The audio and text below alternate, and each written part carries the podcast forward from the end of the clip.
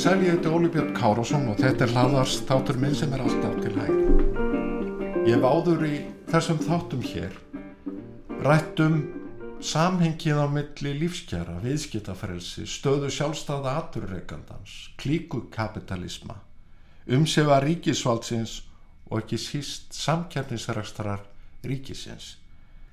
Ég bent á að ríkisvaldið valdi oft skada. Ég vil þótt farið sér fram af góðum hug með almanna hagsmunni að leiðaljósi.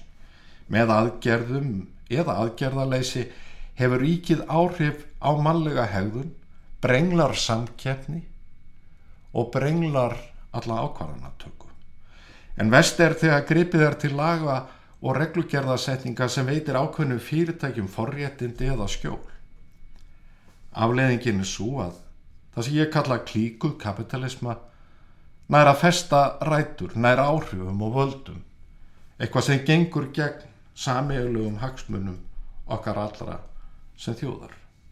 Og ég hef tekið ívilnunarsamlinga svo kallað við einstök fyrirtækjum skattamál og aðra mikilvæga þætti sem er umgjörð aðtunlýfsins sem dæmi um hvernig góður vilji stjórnvalda geti leitt til ófarnaðar. Gengið er gegn jafnbræðisreglu sem allir segjast halda í heðri, ekki síst á tillitugum, hugmyndafræði forréttinda fyrirgreðslu og klíkuskapar nær oft yfirhundinni. Með því að berjast fyrir ívilunarsamningum ákveðina fyrirtækja er reynd að örfa fjárfestingu og ebla atvinnu sköpun. Þetta er á góðum hug. En afliðingin er hins vegar oftar en ekki verri nýting fjármags og vinnuefls og öðrum arðbærar í fjárfestingum ekki síst á sviði nýsköpunar er rutt úr vegi. Lífskjör til langara framtíðar verða verri en hella. Ég hef haldið þið fram að með ívillunar samningnum sé kerfið að koma sér undan því að lagfæra það sem miður fyrr. Ekki sé hors í augu við þá staðurind að skattkerfið og regluverkið allt kunna að vera með þeim hætti að það fremur drepi í dróma en örfi efnaðarslegar framkvæmdir. Þess vegna séu slíkir samningar líkleri til að leiða til ófarnaðar en hagsaldar. Þó eru þeir líkt á barnaskapur við hlið beitnar eða óbeitnar ríkis ábyrðar á rekstri fyrirtækja. Skiptir engu hvort um er að ræða banka, flugfjölug eða önnur stórfyrirtæki sem ákveðu hefur verið að séu það sem kallað er kerfislega mikilvæg fyrir þjóðabúið. Ópenbæra ábyrð á rekstri fyrirtækja leiðir til þess að fyrir eða síðar verða aðtapnir þeirra sem stjórna ábyrða litlar eða minnstakosti ábyrða minni. Ekki vegna þess að stjórnendur viðkomandi fyrirtækis ætli sér að sína ábyrða leysi, heldur vegna þess að allir sem að hafa öryggisnett undir sér taka stöðut aukna áhættu. Þetta vitum við öll, þetta þekkjum við öll. Þetta er bara mannlegt. Og um þetta fjallaði ég meðal annars í þætti hér í mars á síðasta ári undir yfirskriptinu viðskiptafrelsi sjálfstæði aturreikandin og klíku kapitalismi. Þar bendi ég á að meðal að stjórnmálamenn og embætismenn ekki síður hafa jafn mikil áhrif á efnaðarslífið og almennar leikareglur og raunber vitni verða alltaf til fyrirtæki sem þeir telja kerfislega mikilvæg. Vegna þessa sé ekki aðeins nöðsynlegt að hafa með þeim eftirlit, heldur ekki síður að búi sér til formleg eða óformleg réttar að setja bak ábyrð á rekstri ríkisins ábyrðina veita skattgariðendur á þess að hafa nokkuð um það að segja.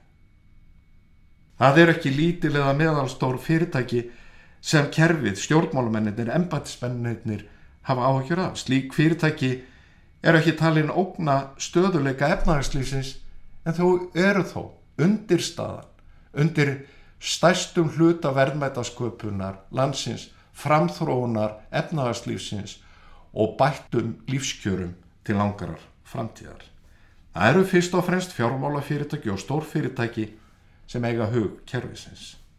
Þegar stórfyrirtæki eða fjármálafyrirtæki komast í vanda telja stjórnmálamenn sér nöðbegða til að beita ríkinu til að hlaupundi bakka og bjarga fyrirtækinu frá gjaldróti og ég tók dæmi af Barack Obama fyrir um fórsetta bandaríkjana sem greip til umsifa mikill að ráðstafana og veitti þarlendum bílaframleðundum alveg ótrúlega ofinbera fyrirgreyslu til að koma í veg fyrir gjaldrót.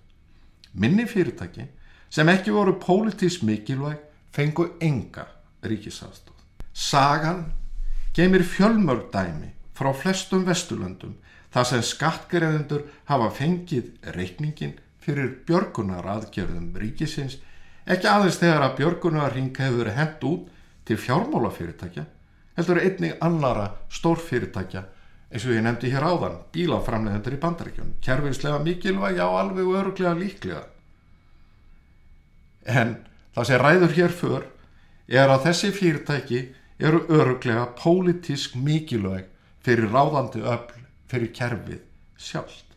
Bein eða óbein, formleg eða óformleg ábyrðu ríkisins á rekstri fyrirtækja býr til eitraða blöndu, klíku kapitalisma, ábyrðarleisis og aukina umsjöfa ríkisvalsins.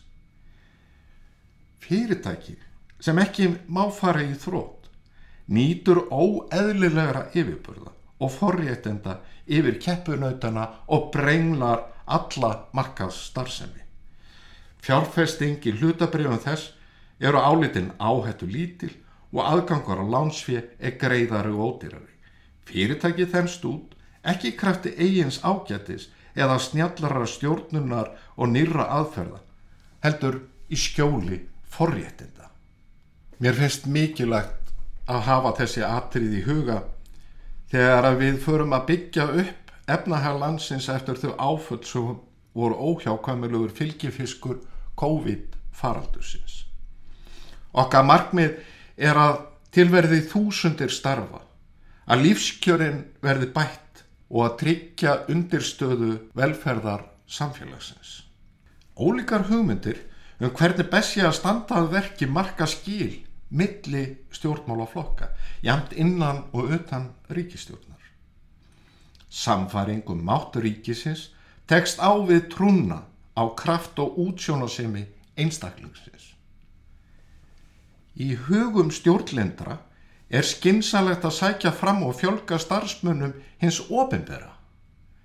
En slík atvinnusókn, og þetta vitum við öll, verður ekki fjármögnuð nema með þingri álugum á fyrirtæki og almenning og það hefur áhrif á þann kraft sem býr og þarf að búa í viðskipta hagkerfinu.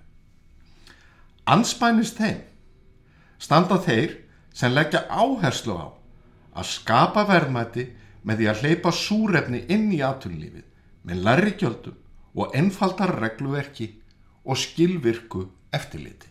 Svo eru þetta þeir til sem telja skinsanlegast að aðfendastjórn peningamála til Sæðlabanka Evrópu og ganga til liðs við Evrópusambandi og aðfenda stjórn og stefnu í auðarikisviðskiptum til embatismanna í Brussel.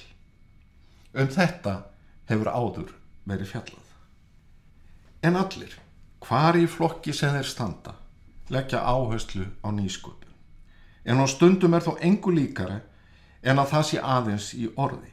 Því um leið er hvað til regluvæðingar atvinnulífsins, aukins eftirlits og þingri skattemdu. Sumir eru haldnir hreinum óta við að einstaklingar fá að njóta frumkvæðis og dugnaðar. Í framtíðasín stjórnmálumanna um uppbyggingu atvinnulífsins fer hins vegar lítið fyrir mikilvægi þess að íta undir og tryggja samkjöfni á sem flestum sviðum þjóðlífsins ekki síst þar sem hún er lítil, takmörguð eða jáfnvel lengi. Það er því miður svo að stór hluti íslensk efnahagslífs er án samkeppni eða líður fyrir mjög takmarkaða samkeppni. Samkeppnisleysið leiðir til sóunar á mannabli og fjármagni, herra verðs, lagarið þjónustu og verri vöru. Nýsköpun er í böndum og frambóð vöru og þjónustu verður einhæfari. Í stað þess að virkja krafta samkjöfninar kemur hugð ofinbera á hana böndum. Með aðgerðum eða aðgerðaleysi hafa ríkið og sveitafjölu hindrað samkjöfni með margvíslegum hætti. Vandin sem glimtir við er ekki skortur á ofinberu eftirliti eins og sumir láti veðri vaka heldur skortur á samkjöfni og oft á tíðum ósangjörd samkjöfni hins ofinbera við enga framtakið. Það er áhyggjefni hver margir, ekki síst stjórnmálmenn, láta sér samkjöfnisleysi í léttu rúmi liggja.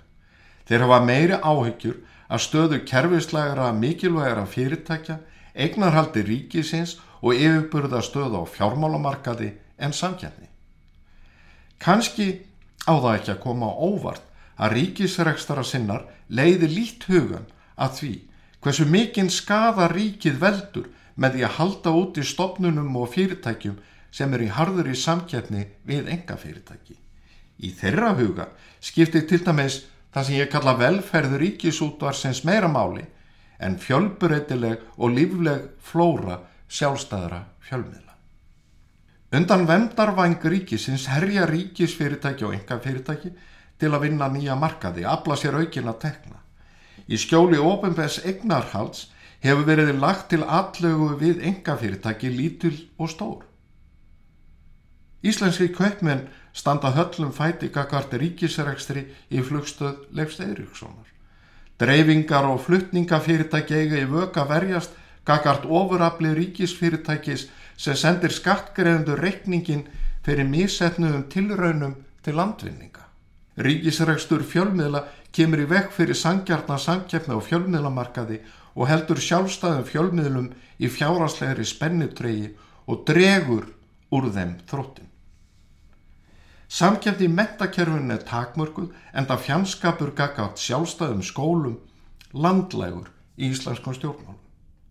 Það ræður ekki metnaður um að tryggja gæði mentunar nýja fjölbreytari valkosti nefnda.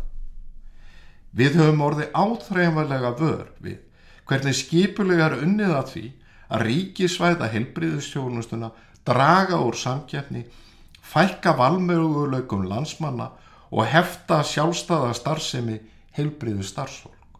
Byðlistar í stað þjónustu og tvöfalt helbriðiskerfi festir rætur. Listin er langur. Ídarlegt samkjæfnismat sem OSCD vannað frumkvæði íslenskara stjórnvalda á regluverki sem gildir hér á landi í byggingastarsim og ferðarþjónustu. Leiti ljósa með einföldun er hægt að bæta hag landsmanna um 10 miljardar á ári. 10 miljardar. Regluvæðing aturlífsins hefur með öðrum orðum leitt til 20 miljardar sóunar á hverju ári. Og svo sóun er greitt í formi lakari lífskjara. Einföldur regluverksins laðar fram samkjöfni, auðveldar aðtapnamönnum að láta til sín taka, flókið regluverk og frumskóur skatta og gjalda er vörn hinn að stóru, draga úr möguleikum framtagsmannsins til að bjóða nýja vöru og þjónustu. Við höfum séð hvernig rótakar breytingar og ýmsum sköttum og gjöldum hafa skila sér í aukinni samkjöfni sem neytendur hafa notið. Undir fórustu Bjarnar Bendilssonar voru til dæmis almenn vörugjöld afnumin og hefði sama á við um totla til dæmis að fatnaði. Kerfisbreytingarnar jöku samkeppni í veslun. Flóran varð fjölbreytari, samkeppnin varð meiri og neytendur nutu góð saf. En eitt er að einfalda reglur og draga úr skattbyrði, annað er að tryggja skilvirkni í samkjætnis eftirliti sem er mikilvægt forsenda þess að ábati samkjæfninar skýli sér til neytenda. Breytingar á samkjæfnislögum á liðnu ári eru mikilvægt skref í þessa átt en aðeins skref. En ef við ætlum okkur að ná árangri á komandi árum í uppbyggingu aturlífsins, gera það fjölbreytara, styrkja þannig stóðir velferðarsamfélagsins verður að innliða samkeppni á öllum sviðum til að tryggja hagkvæma nýtingu fjármaks og vinnuafls, góða þjónustu og hagstætt veð. Þar leika ríkisvaldið, lögjafinn, en ekki síst eftirlitsstofnanir líkil hlutur. Ég þakka þeim sem hlýtu, eða góða stundir.